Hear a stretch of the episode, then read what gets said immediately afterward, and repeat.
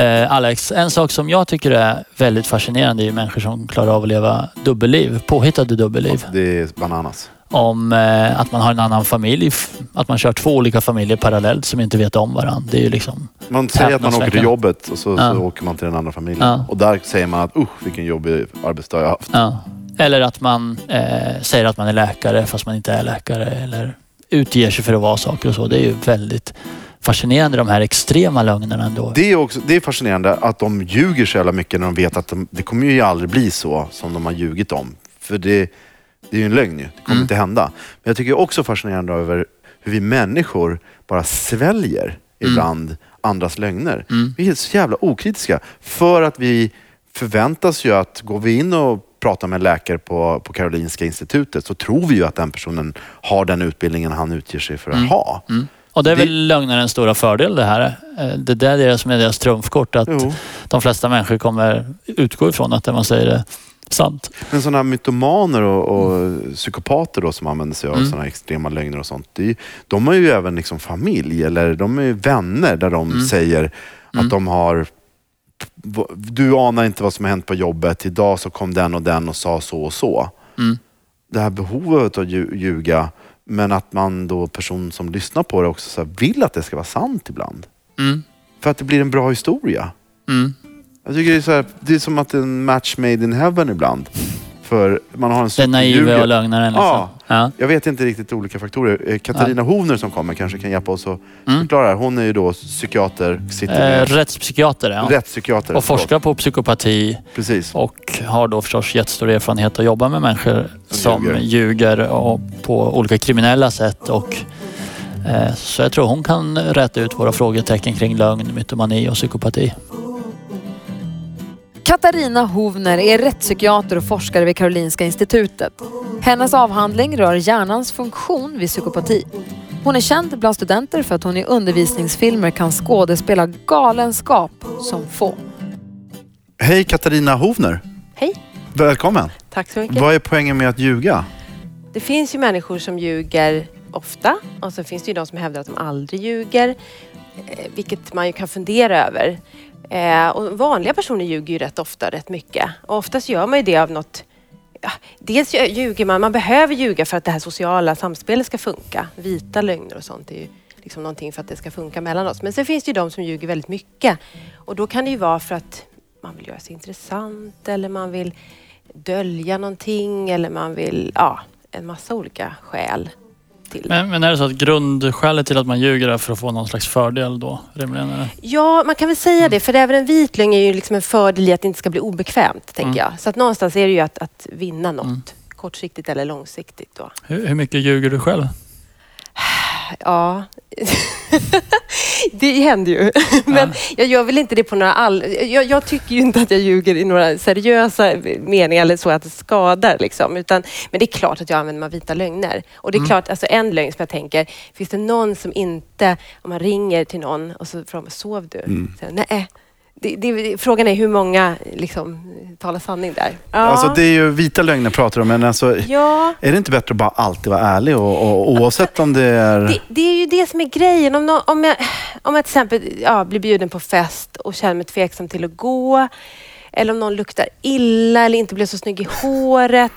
Alltså det, jag vet inte, är det bäst att alltid vara väldigt ärlig? Nej. Det finns ju en grupp liksom patienter då, jag är ju psykiatriker så att därför träffar man en del patienter. Och en grupp då som, som kanske har, ja, inte så bra på det sociala samspelet inom autismspektrat. Och där kan man ju säga att då när man då har svårt att ta till de här vita lögnerna, man är väldigt konkret och alltid talar sanning och alltid säger precis som det då funkar ju inte allting så bra. Folk blir obekväma, det blir konflikter och det blir liksom knäppt. Så att jag tror att vi behöver liksom ett litet mått av lögner för att det ska funka. Men ja, Det, det finns en jätterolig film som jag kommer att tänka på Ja. som eh, med Ricky Gervais som är från typ ett par år gammal som Ja. heter The Invention of Lying. Som Ah, utspelar sig i en värld där ingen någonsin har ljugit. ah, Och där han plötsligt kommer på att han kan ljuga. Så det finns ingen...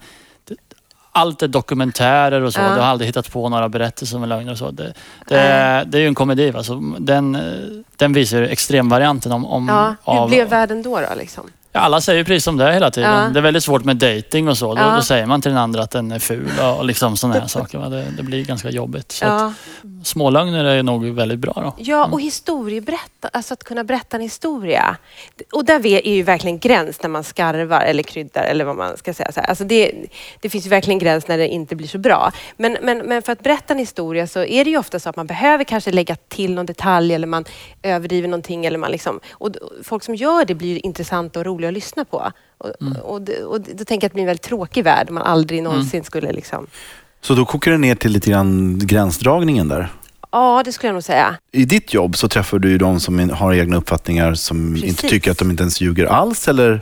Precis, för det är ju det. Om man tänker sig att det där är ganska mycket liksom upp till vad... Alltså, det finns ju ett samhälle där, där, där vi bestämmer att man inte får... Vissa saker får man ju inte liksom ljuga om. Eller, ja, konventionellt, de flesta, vi har ju ändå regler som vi liksom på något sätt ska förhålla oss till. Men så finns det ju en del personer som inte tycker att de där reglerna riktigt är till för dem. Och då blir ju deras, liksom, det är ju de jag då träffar då, som går över gränsen, där det blir liksom för mycket och som blir då kriminella. Så, så vad är det du gör i ditt jobb? Som rättspsykiater? Ja, nej, rättspsykiatriker. Jag, jag gör rättspsykiatriska utredningar. Man träffar då eh, personer som har misstänkta för brott och så, så ska man ta reda på hur de mådde psykiskt, psykiatriskt då, vid tiden för den här gärningen.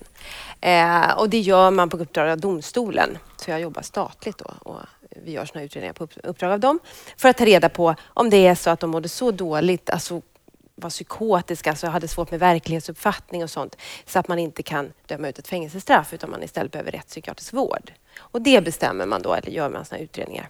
Och ni är ofta i medierna då med resultaten av det här och man deb- debatterar hit och precis. dit. Och då är det så här, då kan jag passa på när jag ändå har tillfälle. Så här. I media står det ofta så här, han var helt frisk. Och det, så är det nästan aldrig. Nästan alla som kommer till oss får någon typ av diagnos. Men det vi ska ta reda på det är en allvarlig psykisk störning. APS kallas det. Det är ett så här juridiskt begrepp som handlar om alltså att man var så sjuk att man liksom inte visste vad man gjorde. Att man var psykotisk eller så. Och då ska man inte dömas då till ska man inte fängelse. dömas till fängelse. Eh, För då sen- behöver man vård. då behöver man vård. Man behöver ju hjälp för man blir inte hjälpt av att stoppa in någon i fängelse och sen kommer de ut. Nej, sen finns det ju mycket man kan göra inom fängelset också såklart. Men, men, men då behöver man rättspsykiatrisk vård. Oftast handlar det om schizofreni, alltså de här- stora psykossjukdomarna. Men det betyder att det är väldigt många som kommer till oss som är rätt så dåliga, men de är inte så dåliga. Men då i media så för, förenklar man det gärna och säger att de var liksom friska för att vi inte har bedömt dem Hur tycker du journalister är på att återspegla ert jobb? Ja, men det, det där tycker jag är lite synd. Att det blir som att man skriver att man är frisk för att man fick en, en mindre allvarlig störning. För de är ju nog så allvarliga. Och till exempel om vi pratar om, om lögner och den typen av störning då, att man ljuger väldigt mycket, då finns det ju eh, en, en, då, de här psykopati som jag ju har, alltså psykopater som jag har forskat på också. Och det är ju en typ av störning som aldrig någonsin blir en sån här allvarlig psykisk störning. Eh, Man, man har inte... Även om du är en livsfarlig psykopat så kommer du Då ska alltid hamna fängelse. i fängelset. Ja, då är det liksom fängelse som gäller. I Sverige. Det ser lite olika ut på, på olika ställen i världen. Och då är vi där på gräns, vad är vi egna gränser som vi själva drar för vad, hur mycket sant, vad sanningshalten ska vara. För den är ju ingenting Ja. vi har lärt oss riktigt. Det är ingen, finns inga Eller är tydliga... du mer inne på att det här är så att säga vanelögnare? Som, Ja. De är så vana att lögn, ljuga så att det inte blir någon lögn Och längre. kanske, ja, och, och liksom att man inte... Det, jag, jag tycker verkligen att det är så här, av vårdslöshet med sanningen, så, så säger det som passar just där och då. Och jag tänker så här, jag har ett exempel på, det är faktiskt inte från rättspsykiatri utan det är från en, en annat, eh, för länge, länge sedan när jag var underläkare så träffade jag en, en eh, på, på vanliga psykakuten då, så kom det in några med en kille, polisen och allting, så det var ganska liksom uppstyrt sådär. Och så skulle vi prata, det var ganska nära jultid och det hade blivit jättestökigt, jättetokigt och det var liksom droger och grejer. Och så satt vi där och så började med att han satt väldigt, ja, han satt väldigt, han tog mycket plats i rummet kan Du, man säga. du lutar dig tillbaka Jag i stolen och lägger upp armarna. Och benen i kors här. Ja, så- du tar upp hela... ut lite som Micke Persbrandt. Ja, typ. Och där stod jag i min eh, underläkaruniform, alltså vita kläder. Och, och det var, här var några år sedan, så jag var yngre då. Och så var det nära jultid, så frågade jag ja, men okej, vi skulle ta reda på lite hur det hade varit, hur han hade mått och sådär. Och sa, men hur ska du, ja, hur har du tänkt i julhelgen då? Och så tittade han på mig, så synade han mig, så förstod jag att han liksom tog in det han kunde se. Och sen sa du, jag ska jag ska servera, soppa åt de hemlösa. Så.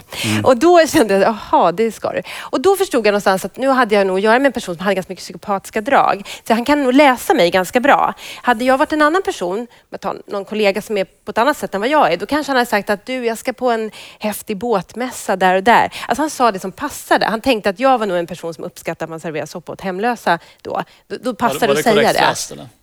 Ja, men det tror jag. Fast nu blev det ju inte så bra för att jag, jag genomskådade på det där. Men det är liksom typiskt att... Och han var ju inte nervös och han trodde nog själv att jag skulle kunna servera soppa åt de hemlösa. Kanske kommer. Ja, möj, möjligen. Troligen inte. Men precis. Och då är ju inte det en, en lögn lögn så, så att han är nervös för att bli påkommen. Och skulle han bli påkommen så är ju det grejen att då kan de alltid svara med en ny lögn. Alltså då kommer något annat. Men ditt forskningsområde är ju psykopati Ja, ja. som ju är liksom spännande. Menar, många filmer Ja. är om psykopater och Ja. Mm, de har ofta otroliga förmågor att se igenom människor och Ja. Hannibal Lecter är Mm. någon slags supergeni och så. Eh, vill du berätta bara, vad är psykopati egentligen? Ja, psykopati är liksom en... Eh, vi, vi räknar det till de här liksom, eh, personlighetsstörningarna som det hette förr, personlighetssyndromet nu. Men det, och, och ofta så blandar man ihop det med något som heter antisocial personlighetsstörning som man pratar om en del om inom psykiatrin. Och det, vi, vi inom rättspsykiatrin är nog ganska noga med att särskilja att det ändå är liksom en allvarligare form kan man säga. Men man kan säga att det är en, en samling med personlighetsdrag som handlar om att man är oftast ganska socialt framfusig, man är orädd, man är ofta väldigt vältalig, man kan vara charmerande. Ja, det låter som jag. Ja. Och sen kommer man till det här att man ofta har dålig impulskontroll. Ja, ja. Eh, Det avsnittet. ungdomsbrottslighet. Ja, vänta ja, nu. Hur blir ska, ska vi stanna här? För, jag måste klippa. Men, men det finns några Och till sen, ja, sen patologiskt lögnaktig heter det så fint. Alltså att man ljuger väldigt ofta och mycket. Eh, och sen är det att man har brist på empati och att man är ganska känsloflack. Alltså att man har dåligt med toppar och dalar, att man är ganska liksom grund, alltså man har inte så djupa Och känslor. empati då, det är Ja. förståelsen för andra människors eh, känslor och upplevelser. Ja. Empati är också ett sånt här stort begrepp som man kan fundera på. Det finns liksom olika delar i det med. Men ett sätt är att, och där kan man säga att psykopater kan vara ganska duktiga och det är att kunna liksom, eh, ja, sätta sig in i, att, att tänka att det skulle kunna vara jag som är i den där situationen. Men det de är dåliga på, det är att känna, eftersom de själva har väldigt dålig stressrespons, då, som man säger, alltså svårt att känna rädsla och ångest, så har man förstås väldigt svårt att förstå hur någon annan känner. Man kan förstå att det skulle kunna vara jag som ligger i den där pölen och har ramlat, men man förstår inte riktigt hur det känns. Nej. Kan det också förklara att vissa av de här är, jag menar, inte har så mycket bryr sig om sina brottsoffer så att säga. Precis. Att man får skylla Man sig har- själv om ja. man jobbar på en värdetransport. Ja, liksom. precis. Det var inte bra men eh, Nej. de som jobbar på banken har valt att jobba där. Ja, och det blir drabbar ju ingen egentligen och sådär. Ja. För man, man har inte förmågan att förstå riktigt vad de går igenom. För har man själv inte känt rädsla på det sättet så är det ju såklart svårt också. Men, men i den psykopatidefinitionen som du Mm. säger nu, då är det så att måste man inte ha gjort, eh, varit våldsam eller kriminell? eller? Mm. Jo, och då är det så att eh, psykopati finns ju inte i vår den här diagnosmallen som vi använder inom psykiatrin, utan då finns det en antisocial personlighetsstörning som ligger ganska nära. Utan psykopati kan man ställa då utifrån en checklista som man använder ofta. Så där ingår det att man också ska ha gjort ungdomsbrottslighet, man ska börja tidigt med kriminella saker. Man ska ha en uppförandestörning som det heter, alltså att man har avvikit, alltså varit, Ja. ja, avvikit från Så, normen så, och så sådär. den här VD-psykopaten, alltså Ja. en framgångsrik Ja. person i organisationen och så, Ja. eh, som, som är välanpassad men... Ja, eh, precis. ett- Då, då, då tänker man så här att det finns ju någonting, psykopatiska drag kan man ju ha i mer eller mindre utsträckning. Och psykopatiska personlighetsdrag eh, finns nog ganska ofta på ganska höga poster. För det är också så att pers- psykopatiska personlighetsdrag är liksom inte dåliga per se. Alltså de kan ju vara ganska framgångsrika ibland. Att vara charmig, vältalig och vara visionär. Man kan liksom och, och ljuga lite, sådär, bre på lite hur det ska bli och allt ska bli så fantastiskt. Men det de inte klarar sen är ju att liksom fullfölja och slutfölja, liksom, alltså slutföra. Och har man då en brist på empati så blir det ju där lite dumt då.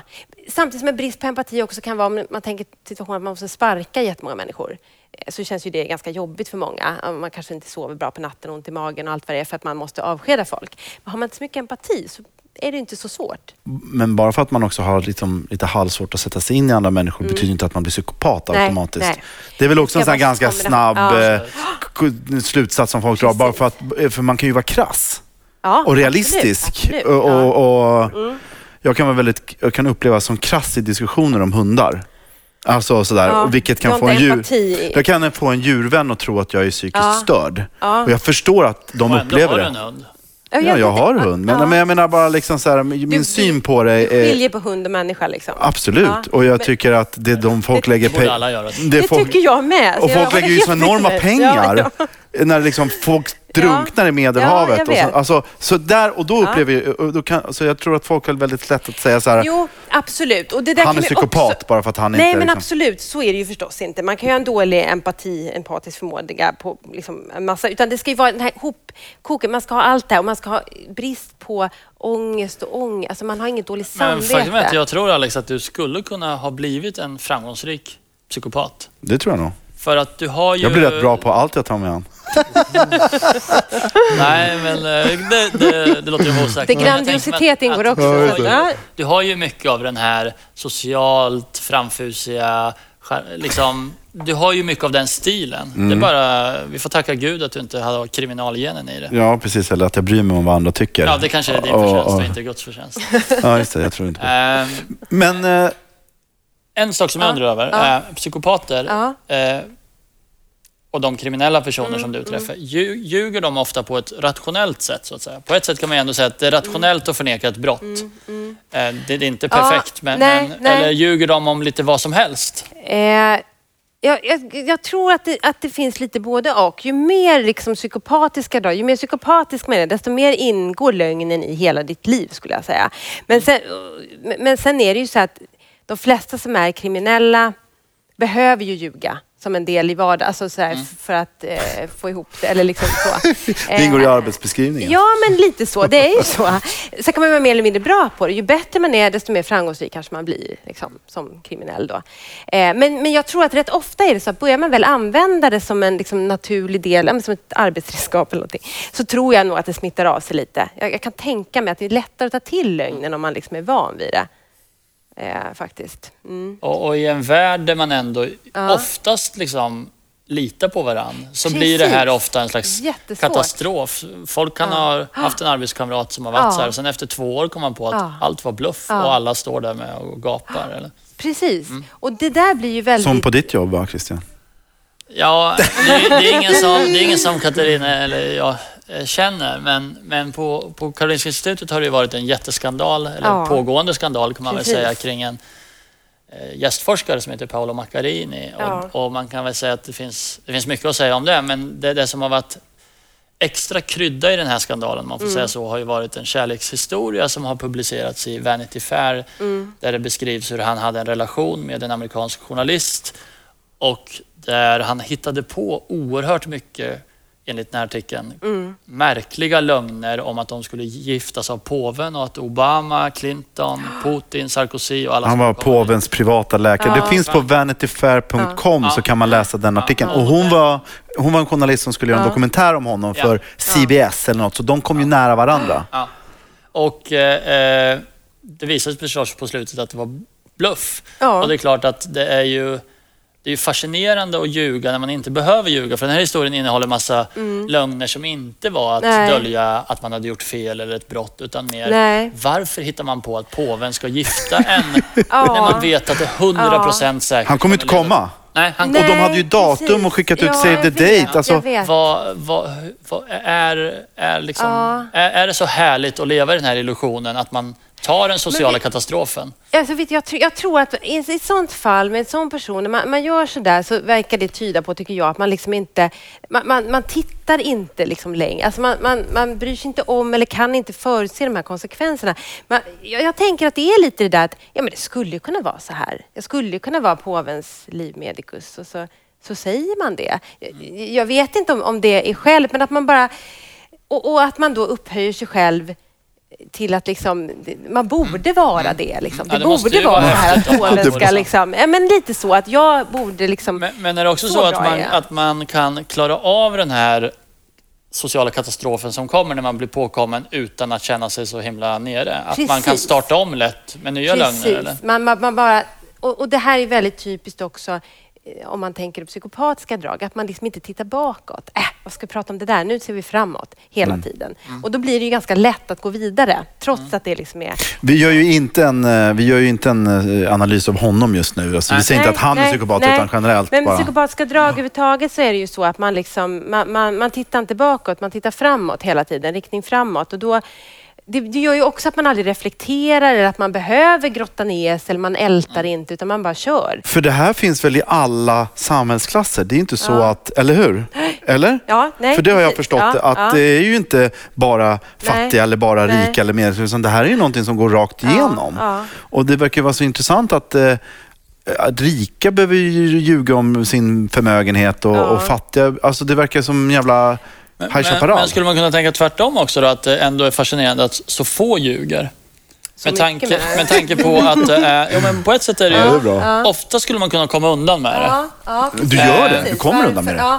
Och varför gör man Och- inte då och- fler Nej, sådär? så att på något sätt är det lite så här att de, de flesta Mm. eh, beteenden som har ljuga, ta till våld mot Mm. andra och så, Gör ju inte eh, gör ju inte folk, fast de kanske är ganska effektiva. Nej, men, och, och där är ju någon slags rätt eller fel, liksom, moral. Vad sa du? Jag ska börja ljuga. Ja, du, ja, men då, kom, då är det här dåliga samvetet.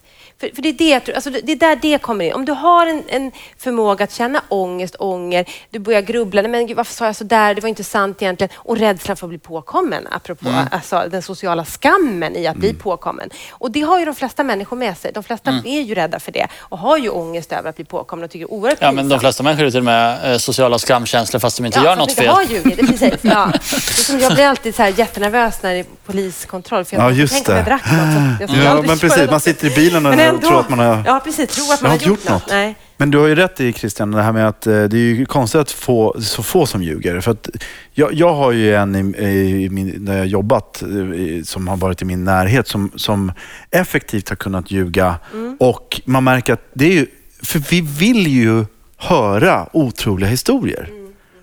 Det är ingen som ifrågasätter, alltså det, vissa gör ju det, vissa kanske har den, men de flesta människorna vill höra någonting roligt eller ballt. Mm, Och man, det är det man märker, att du kan dra till med vilka historier som helst. Den här personen som jag tänker på, han har suttit och, och dragit och det är ingen som vill ens kolla om det är sant eller inte. Nej. För man vill inte liksom... För det är ju fantastiskt. Helt Ja. otroligt. Va? Det, det kan du inte mena. Nej, vad kul. Men jag tänker på en annan sak. Eh, för jag, just i det fallet, då undrar jag om det kanske är något du känner igen. Men kan det vara så att man ljuger för att man... Det är egentligen inte kanske för att upphöja sig själv, men man kanske blir liksom... Kan man bli reaktionsjunkie? Du vet att Ja. dina ögon spärras ja, upp ja, ja, och din blick ja, tittar in ja. i mig. Ja, men gud. För, för, och det, Det har jag. Det finns en otrolig bekräftelse i Ja, det. Ja, ja, för ja. det har jag Ja. sett nämligen. Ja, för ja. jag tror att det finns en ångest och allt det andra, att man inte Ja. är psykopat. Nej. Men, men man, Man brer blir på och du av- får ja, reaktioner i middagen ja. och nu känner du bara, du bara gasar på. Ja, ja, man kan inte sluta. Och du säger att du Mm. har investerat i boenden och att du hjälper hemlösa eller något. Och, och så folk bara, nej gud vad bra du är. Absolut, och det där tror jag verkligen, det är ju liksom den här bekräftelsen, alltså när man märker att det funkar, eller man får med sig. Och då kan det ju vara just det här att man tidigare, eller när man presenterar sitt vanliga tråkiga jobb, så jag jobbar på bank eller något, så får man inga följdfrågor. Och så plötsligt säger man, jag är ju rättspsykiatriker. Wow, är du? Och så märker man att men det här var ju kul. Och sen så fortsätter man. Då tror jag att det är jättelätt att liksom glömma bort de där konsekvenserna där framme. Eh, men, men jag tror att det som hindrar de flesta är just att man, men gud, tänk om någon kommer på mig. Eller liksom, Två, tre glas whisky så kan ju vem som helst eh, kanske börja liksom tappa konsekvenstänket Ja, helt. ja, och bara, jo, absolut. vad fan sa jag det för? Så sådana Ja. små, Men det finns ju lite här och var Precis, och tycker det är jag. möjligt att det kommer fram mer liksom på fyllan sådär att folk Men, blir... men eh, det finns ju ett särskilt område i livet där Mm. eh, lögn och dubbelliv har ett extra utrymme. Jag tänker med relationer ändå. Det är ändå hyfsat, ovan, eh, hyfsat vanligt med otrohet Ja, som ju ändå bygger ja. På lite- lögn i ja. hög grad får man väl ändå säga. Och det finns ju också många, eller en del exempel på såna här personer som har två olika familjer som inte känner till varandra. och Mm. Nej, så. nej. Där, där får man väl ändå säga att, att lögn och dubbelliv är ganska vanligt just i det segmentet och Ja. kanske då också begränsad till just Till just den delen. delen. Ja, man är inte ljuger inte om allt men man ligger med grannens fru och det ljuger Och man då om. fyller ju liksom lögnen någon slags skyddande ofta. Eller ja, det blir ju det. Mm. en konstigt. konsekvens, Men, alltså. men när man försöker liksom skydda kanske partner, därför talar man inte om att man varit otrogen Mm. liksom, och så ljuger man på där. Men, men det, fr från att, att ljuga om vad som händer liksom, på firmafesten till att, att leva det här extrema liksom, dubbellivet, det är ju rätt fascinerande de som ändå klarar Ja. av det, Ja. eller liksom gör Det det. Det- det jag kan aldrig sluta också. läsa de där Och där artiklarna. tänkte jag också på det här med minne. Man måste ha bra minne Ja. för att vara en duktig lögnare. Och där vet jag att man sett lite studier, just hjärnabildningsstudier, hur man kunde se att de ändå hade mera eh, vit substans. Alltså det, det fanns mer hjärnvävnad där i vissa frontala delar, alltså där framme. För, och det tyder liksom på att man behöver hålla mer i minnet. Man behöver ha eh, ja, go- gott minne helt enkelt för att kunna hålla lögnerna. Men då pratar vi om såna här lögner som är li- hos lite mer vanliga personer då kan vi säga. Där, inte, alltså där det faktiskt, ja, man kan bli påkommen och det Ja. kan bli jobbigt. Man ljuger något syfte och man måste upprätthålla lögnen. För det är ju väldigt skillnad jämfört med att slänga ur sig saker och bara hitta på en ny lögn. Men, men jag hörde en intervju med en k- kriminell person som Mm. Ja. då hade ljugit mycket och, och han hade ju några så här knep för att inte bli påkommen. Att, att göra lögnerna så pass enkla och ofta använda samma lögner och så. Just för att det vanligaste problemet för lögnerna är att de till sist Glömmer glömmer bort vad de har sagt och så avslöjas de också i förhör. Det är svårt att ge två likadana, exakt likadana versioner om det inte är sant. För man har inte så mycket att hänga upp minnet på så därför bör man säga emot sig själv och så. Jo men precis, och att man, just det här att man, man säger en, en nästan sanning, alltså det ligger väldigt nära sanningen men man ändrar vissa väsentliga detaljer. Eh, Och det är ju såklart någon slags eh, framgångsfaktor kan man tänka sig Mm. i att ljuga eh, och, och göra så. Och det kan jag tänka mig sådana här otrohetsaffärer, alltså sådana, att, Mm. att man eh, använder sig av det mycket just för att hålla, försöka hålla det vid. Mm. Ja. Men, men för, för affärer, du- för det är ju det som jag tänker på också. Alltså att vara otrogen på konferensen är en sak, men folk som verkligen lyckas med det här i det här dubbellivet. Alltså, och, jag- men jag läste ju någon, en, en, en man som hade massa pengar, eh, något arv och hade inget jobb. Men som klev upp på morgonen och sen så Ja, åkte han till sin familj i, i Belgien. Eh, Och så- Doktor Roman, eller? Ja, Nej, det är ett kan- annat fall som vi Nej, måste prata om. Ja, men, Ja. men liksom just det här att han, han, han jobbade nattskift i ena familjen och jobbade Jaha, dag i den andra nej, familjen. Så att han hade löst det så jävla praktiskt. Så han hade liksom, så han hade börjat i en relation så han kunde liksom kliva upp på morgonen och åkte till jobbet i kostym. Men i själva verket satte han sig i kostymen och bilen och åkte till den andra familjen. Herregud, Och klev in ja. genom dörren och har jobbat Men var det liksom. inte konstigt att han alltid jobbar natt eller? Nej men det var ju väl hans arbete, jag vet inte. Men han har ju lyckats flera år Ja, med det här alltså. ja. Det är så fascinerande. Ja, det- För jag pallar ju knappt med en familj. Nej, precis. Jag tänker också på det. Hur ska man orka med Det är så mycket lögner inom din familj. Det där det, är- alltså, ja, det är ju helt hopplöst på den här. Det här korthuset kommer ju falla när som helst. Men för jag tänker liksom så här, om man då till exempel på en arbetsintervju säger, eh, ja men kan du Excel? Ja. Om man snabbt tänker så här, det kan jag fan lära mig tills jag börjar jobba om tre månader. Ja, det kan jag. Jag kan eh, lite Då är det grann. lite så här, jag skulle ju kunna. Ja, men jag skulle Det- ju kunna det skulle lära jag säga mig. är en Jag, lögn. jag, sk- jag, ser ju ut som en, jag ser ut som en kille som kan Excel. Men om man lever med någon som man upplever ljuger om små saker och stora saker. Mm. Ja. Hur ska man hantera en sån person, tycker du? Ja, alltså... Ja, jag tror att om man upptäcker det ganska tidigt, om det är en relation, så, så tror jag att man ska... Dels ska man nog lyssna på sig själv om man misstänker att det är så här. Och då skulle jag nog ändå råda att man försöker liksom, ja, ta reda på om det är så. Att man inte blundar för det. Därför att rätt vad det är har det gått några år och så hade man några barn ihop. Alltså det blir väldigt jobbigt då att ta tag i det på något vis. Jag skulle nog ganska tidigt råda om det var en kompis som liksom sa så här, jag, jag, jag tycker det verkar lite konstigt det här och det här, så skulle jag råda, men du måste nog luska lite mer där. Och kommer det fram att personen är så där, ja, eh, har svårt att inte ljuga, så skulle man ju fundera på om, man liksom, eh, om den personen är beredd att göra någonting åt det, vill ändra på det eller inte. För jag skulle ha svårt att, att råda någon jag tyckte om och kände att, att, liksom, att bara köpa det. Jag ser en undertext, om det var en film, så Ja. då står det bara spring, spring, Ja, spring. om någon är mycket lögnaktig Ja. så är det för mig i min värld, men det är mina referenser, så är det så här, okej, psykopatiska drag, tänker jag. Men Mm. Det, så kom, är det det ju inte med alla. kommer eh, Men för dåliga mig, saker efter. Liksom. Ja, att det, liksom, det här blir inte bra. det Liksom. Ja, det här kan bli bara värre och värre. För, Men- för de har redan upp och det är likadant, det är som med, ja men överhuvudtaget här varningssignaler i relationer. Det är likadant med våld också. Om någon skulle säga så här, ja men han, han var lite hotfull, men alltså jag skulle bli sådär, ja, hjälp, spring, precis. Mm. Men, men eh, för det, nu är inte jag någon psykolog, men visst är det väl ändå så att... Inte jag heller. Nej, du är psykiater, jag vet. men, men, eh, men jag tänker på lyssnarna här nu, så att inte jag försöker utge mig själv för något som Ja. jag inte är. Men, men det är väl ändå så att eh, man har väl ändå förstått, när man själv är 40, att det är väldigt svårt att ändra beteende. Ja. Så att det där är väl en klassiker, att om man inleder en relation med någon som är i, liksom, i 30-årsåldern till exempel och som, har, som ljuger. Att tro att den personen ska ändra sitt beteende då, då, i en vanlig relation, i en vanlig 9-5 jobb och man ska bo ihop.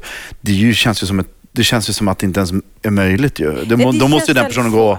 Ja. själv vilja ändra det. Ja. Ja, men precis. Och då är det väl också så här, alltså kan man leva med det? Man kan ju också säga så här, om man använder lögnerna till att alltid vara den där som drar de här häftiga historierna och vara så spännande, intressant och medelpunkter på festen, men att man kan hålla det till det och inte ljuger om vardagsgrejer, då kanske man tycker att ah, det kan ju vara kul. Liksom, så.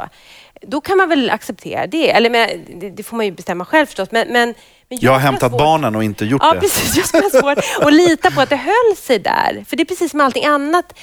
Att det blir liksom, finns det på ett område så för mig känner jag att det finns en risk att det finns på andra områden också. Liksom. Men, det, men det, det, det är möjligt att någon liksom, ja, partyljuger liksom bara sådär och då kan man leva med det. Det är en Men- ny diagnos som ja, du fann. precis. Precis. Partylögnare. Ja. Du Katarina, om man nu tycker att man ljuger och Mm. inser att fan, det här jag håller på med, det är nog gammalt och jag vet jag borde inte göra det här och jag, Mm. jag kan inte låta bli, och, men jag har dåligt samvete för det. Mm. Finns det något man kan, kan man råda en sån person? Finns det något? För det, Ja, men alltså jag tänker så här, att precis, om man, om man lider av, man tänker så här, gud, det, det är jättesvårt för mig att hålla mig till sanningen och jag upplever det som ett problem, då skulle jag nog säga att man skulle försöka ta hjälp, professionell hjälp. Alltså man söker upp någon psykoterapeut eller någonting och, och ta reda lite på varför det har blivit så här, varför det är så här och hur man skulle kunna jobba för att förändra det beteendet. För det är ju ett beteende att ljuga och det kan man ändra på om man vill. tack så mycket för att du kom. Tack. Tack. Tack. Ja, om du gillar vårt program så skriv gärna en kommentar på iTunes och du får hemskt gärna skicka förslag till oss eh, på ämnen. Du kan gå in på vadärpoängen.se utan prickar eh, och hör av dig. Ja, eller e-maila till info at vadarpoangen.se Precis. utan prickar. Ja. Bra. Tack. Tack.